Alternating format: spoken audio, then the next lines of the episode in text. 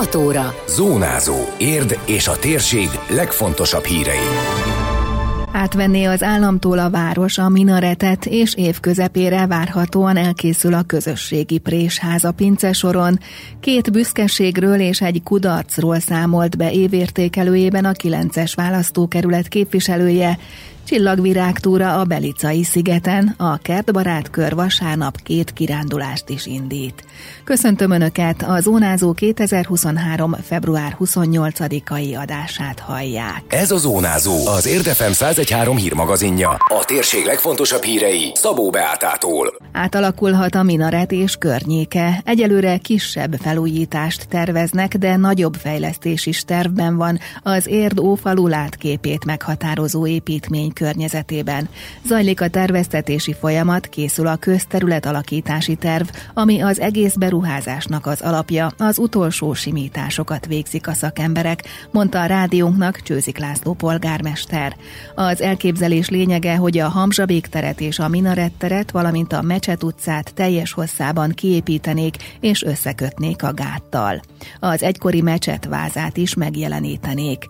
Ám a minaret nem a városé, hanem az államé, és szeretnének velük arról tárgyalni, hogy adják át az önkormányzatnak, ismertette a városvezető. És most szeretnénk egy ilyen részleges kis felújítást, mert a lépcső nagyon rossz állapotban tehát ma nem látogatható a minaret, hogy azt megcsinálni a nyárra, plusz akkor a tulajdonjog átadást kérni, ami nyilván egy ilyen kb. fél éves folyamat, ha belemennek, hogy a városi legyen, és hát ami ott nagyon-nagyon fontos lenne, hogy az ETV telephelytől, tehát a vízműtől kiindulva egészen a hotelig bezárólag, az a hosszú Mecset utca, egy teljesen új, egy ilyen egységes felületű, dísztérköves, szép utca lenne, ami hát rímel erre a történelmi korszakra is. Tehát nagyon hangsúlyossá szeretnénk tenni. A nagy talány, hogy hol menjen a busz. Tehát ugye most a Minaretnél fordul meg. A jelenlegi elképzelés szerint elmenne a busz egészen az ETV telephelyig, és ott előtte fordulna meg, ott van hely bőven.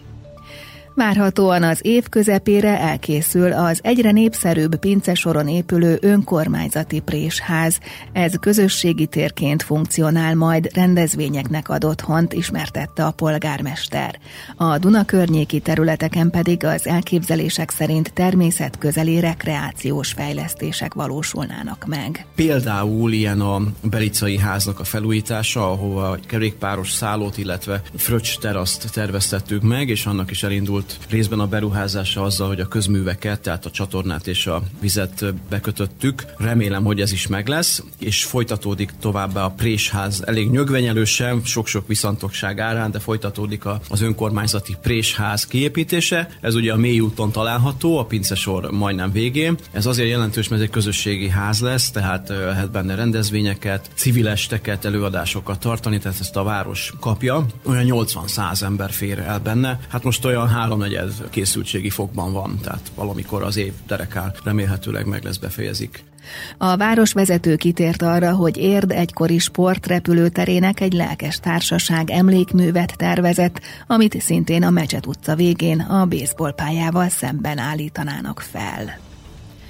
Két dologra nagyon büszke, egy dolgot viszont nagy kudarcként él meg, nyilatkozta évértékelőjében Asztalos Éva, a 9-es választókerület független önkormányzati képviselője.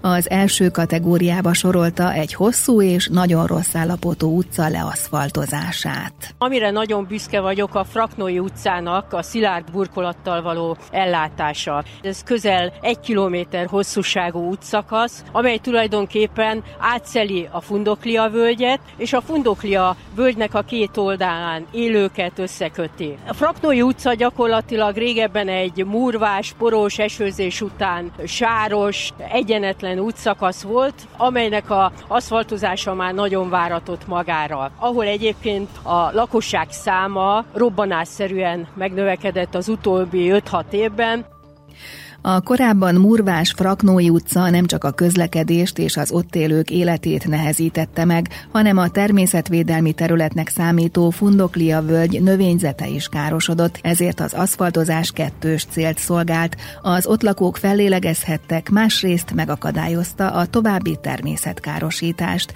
fejtette ki Asztalos Éva. A másik büszkeségnek a Hargitai utcában lévő Bóbita játszótér felújítását nevezte a kerületemnek az egyik gyöngyszeme, azért nevezem gyöngyszemnek, mert ebben a kerületben ez az egyetlen egy játszótér, ahol a családok, a gyermekek ide jöhetnek játszani. Az utóbbi időben nagyon sok felújítás történt ezen a játszótéren, többek között a homokozó feletti rész nafitorlát kapott, Mindezen túl a tavalyi év végén sikerült egy teljes körű felújítást végezni ezen a játszótéren. A játékok felújítása kerültek teljes egészében, illetőleg a padlózat is kapott egy új gumi szőnyeget, amely biztonságosabbá teszi a gyermekeknek a játszást. A Fundoklia téri műanyag flakonos körforgalommal kapcsolatban pedig azt reméli a képviselő, hogy a felújítása még ebben az önkormányzati ciklusban elkezdődik. Képviselőként a legnagyobb kudarconként ezt éltem meg, hogy a mai napig nem sikerült elérni ennek a térnek a teljes körű felújítását. Ugyan megvolt erre az önkormányzati forrás, elkészültek a tervek, egyeztetések történtek, amelynek értelmében legkésőbb 2022 tavaszán el kellett volna kezdődni ennek a térnek a felújítása, ami sajnos mai napig nem történt meg. Csak reménykedni tudok abban, hogy a képviselői regnálásom alatt legalább elkezdődik a felújítási munkálat. Az Érd Média Centrum minden helyi képviselőt megkeresett, hogy értékelje az elmúlt évet. A videósorozattal névsor szerint jelentkezik az Érd most, valamint bővebben az Érdi újságban olvashatnak a beszámolókról. Idén is csillagvirág túrával indul a tavasz, már nagyjából tíz éve, hogy az érdi kertbarát kör megszervezi a körülbelül másfél órás kirándulást a Belicai szigeten, ahol az a kékvirágú növény ékesíti ilyenkor a tájat, amiről a túrát is elnevezték. Vasárnap is várják mindazokat, akik szeretnének a természetben egy kellemes sétát tenni, közben érdekes ismeretekkel gazdagodni, mondta a rádiónknak Vencel Ilona szervező. Halász Antal, illetve Süle Zsolt a a helyszínek jó ismerői kalauzolják majd a csapatot.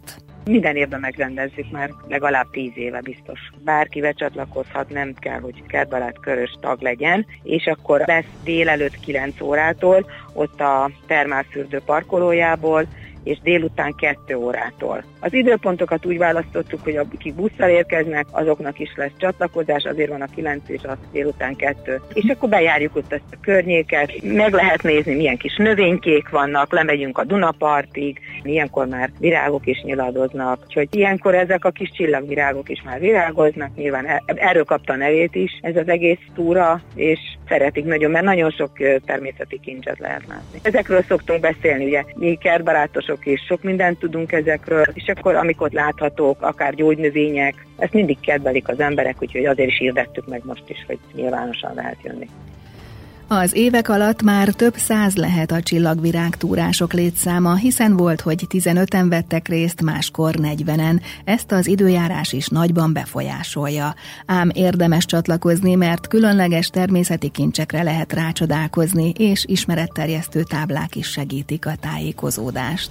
Sokan nem is tudják, hogy érden van egy ilyen terület, hívta fel a figyelmet Vencel Ilona, hozzáfűzve a túrának közösségépítő szerepet is szánnak, és nem titkolt szándékuk, hogy a kertbarát kör tagsága is bővüljön. Körülbelül egy olyan másfél-két kilométernyi ez a táv, és egy olyan másfél-két óra. Tavaly voltak, akik úgy nagyon el voltak együtt, nagyon aranyosan elbeszélgettek, akik kicsit tovább tartott. Ez mindig a társaságtól függ, hogy összejön a társaság.